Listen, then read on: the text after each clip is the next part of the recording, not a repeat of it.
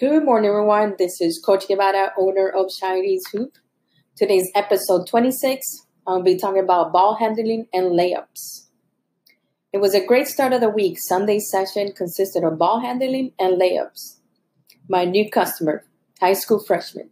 This Sunday, we worked on details of ball handling, transitioning to layups, finessing his ball handling skills using both hands. So, therefore, first starting with his dominant hand, which is his right hand slowly transitioning to his left hand, his weak hand. Motivate them to use both hands. Friendly tip do not force them to do anything they do not feel comfortable with. Always ask first if they feel comfortable with any particular drill. However, make sure they see the reason behind the drill and why you're advising them to try something new. There's a purpose for every drill and fundamental skill a coach or trainer is teaching. Two simple types of equipment we used on Sunday's practice that anyone can utilize or purchase. The types of equipment are the following cones and an agility ladder. Once again, simple but effective drills. Friendly tip number two make it as simple as possible so the athlete can understand and implement it. Slowly progressing to more difficult drills.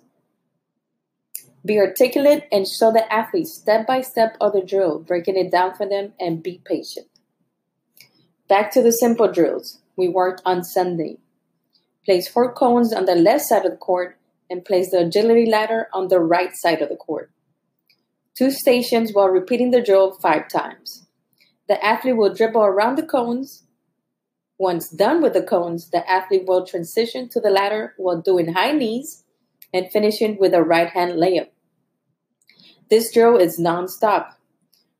Safety tip make sure they're drinking their water, water breaks after every drill. Nevertheless, we continue to do more ball handling drills with the same cones.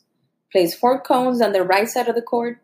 Every drill we do on the right side of the court, we do so on the left side of the court. This method prepares the athlete to see the full court and play to his or her advantage.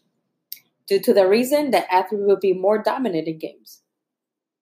The ball handling drill with the four cones, it creates space between defenders and creating an open shot or layup. Placing four cones starting with the first cone by the elbow. Start by dribbling with the cone on the left side, which is your weak hand. Putting the cone down, then backpedal on your tippy toes to prevent falling to the second cone, and so on and so on. Once the athlete is done with the fourth cone, he or she will finish with a layup, repeating this drill as many times as the athlete needs it. As a result, he or she will become a better ball handler. Two simple but effective drills, but for any level from beginners to advanced players. I hope you find this tip or drills very helpful, very effective. Once again, this is Coach Guevara, owner of Chinese Hoop. See you at a basketball court. Bye.